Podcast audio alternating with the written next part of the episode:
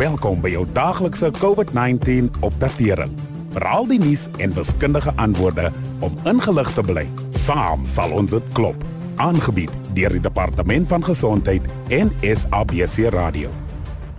Sondag het Suid-Afrika 20 nuwe COVID-19 sterfgevalle aangeteken. Dit is ons laagste daaglikse dodetal sedert Mei en dit beteken ook ons algehele aantal weeklikse COVID-19 verwante sterftes het nou vir die 5de week in 'n ry afgeneem.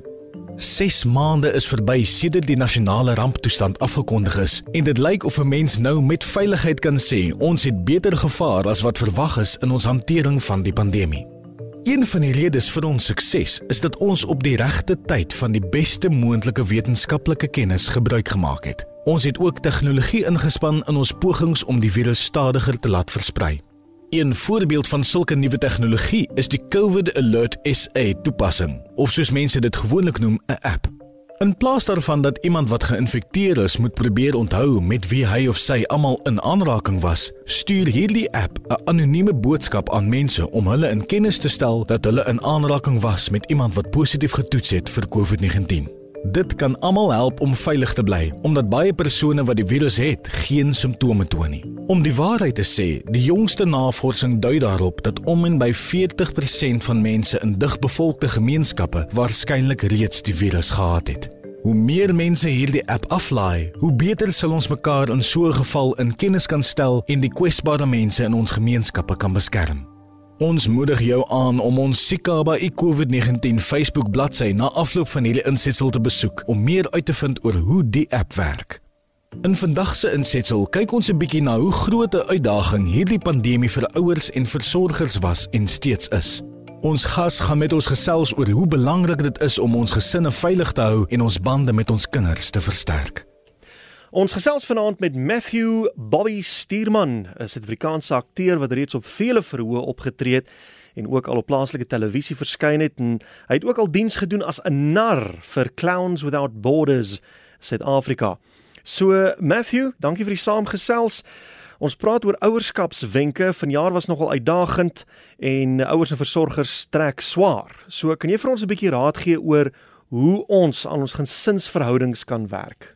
Uh ja, COVID-19 het baie onsekerhede en uitdagings vir die gesinne reg oor die wêreld meegebring. Maar dit sal beslis help as jy hierdie drie goed in jou gesin se daaglikse rotine inbou. 1. Speel saam. 1 tot 1 tyd saam met jou gesin help om sterk positiewe verhoudings te bou en kinders leer dit te speel. Ons ontspan ook as ons speel. 2. Hou dit positief. Jy jou kinders aan te moedig en te prys en vir hulle positiewe instruksies te gee, bou jy hulle self weer, wat hulle in die toekoms goed te staan sal kom. En 3, mededeelsaamheid sê sy gee om.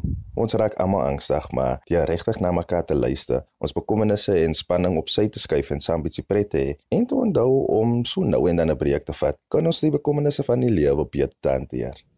Alles lekker praktiese raad, maar nou hoor ek baie ouers vra waar moet ons die tyd vandaan kry? Ons dink baie keer ons het meer geld of meer tyd nodig om op die ouer te wees. Maar 1 tot 1 tyd kos niks en selfs klein rukkies gefokusde tyd bou vertroue, kommunikasie en goeie verhoudings op. En as jy jou kinders meer verantwoordelikheid gee, help dit hulle om veilig en geliefd te voel. Bere jou selfoon of werk en vat 'n oomblik om werklik belangstelling te toon dit waarvan jou kind hou. Veral tieners en hulle sal makliker oor alle ander goed praat, ook dit wat hulle pla. Jy het so vinnig genoem van speel wat belangrik is vir leer. Eh, vertel ons 'n bietjie meer daarvan. Mm, ja, vir kinders is daar geen verskil tussen speel en leer nie. Speel bou hulle breine en help hulle om nuwe idees, vaardighede en belangstellings te verken. Vir jonge kinders kan sy eenvoudige goed doen soos om 'n boek te lees of saam stories vertel en op te maak. Werk as skattejag in en om jou huis uit en kyk watter wonders jy saam in jou eie huis kan ontdek. Eenvoudige speletjies soos ek sien met my klein oogie om te tel jou rooi items sy kan raak sien of om geleide en reuke te identifiseer kan vetpret wees. Sit musiek op en sing en dans saam of laat hulle hulle gunsteling maaltyd kies en maak dit saam as 'n gesin. Of vir tieners is dit noodsaaklik om oor die alledaagse dinge te praat. En so ook om saam aktiwiteite te doen wat gesprekvoering en openhartigheid aanmoedig. Begin deur vir hulle 'n uh, paar vrae te vra. Wat uh, musiek hou hulle van? Uh, wie volg hulle op Instagram of Twitter? Bordspelletjies, kaarte en Die identifisering van die stede kan ook ure se vermaak verskaf. Laat jou kind belangrik en geliefd voel deur hulle te vra wat hulle wil doen. Maar nou weer aan die ander kant ouers het ook aftyd nodig sodat hulle positiwiteit as gesin uh, kan deurbring. Is daar 'n uh, vinnige manier om te ontspan wat jy met ons kan deel? Ja, sê is reg. Dit is belangrik dat ouers na hulle self moet omsien en vir hulle kinders ook die ruimte moet gee om dit te doen. Een kits manier om te ontspan is om in 'n gemaklike stoel te sit, voete plat op die vloer, en op jou bene, oor toe, asem 3 tot 5 keer diep in. Uh, dink dan aan hoe jy op daardie oomblik voel. Miskien kwaad, bang, hoe voel jou liggaam? Is enige deel gespanne of seer? Is jou gedagtes negatief of positief? Verander jou gedagtes soos jy in en uit asem. Jy kan dit saam met jou kinders doen en dan oor almal se reaksies gesels. Dit is 'n uitstekende manier om uit te vind wat in jou kinders se lewens aangaan. Hoe kan gesinne positief bly in hierdie uitdagende tye?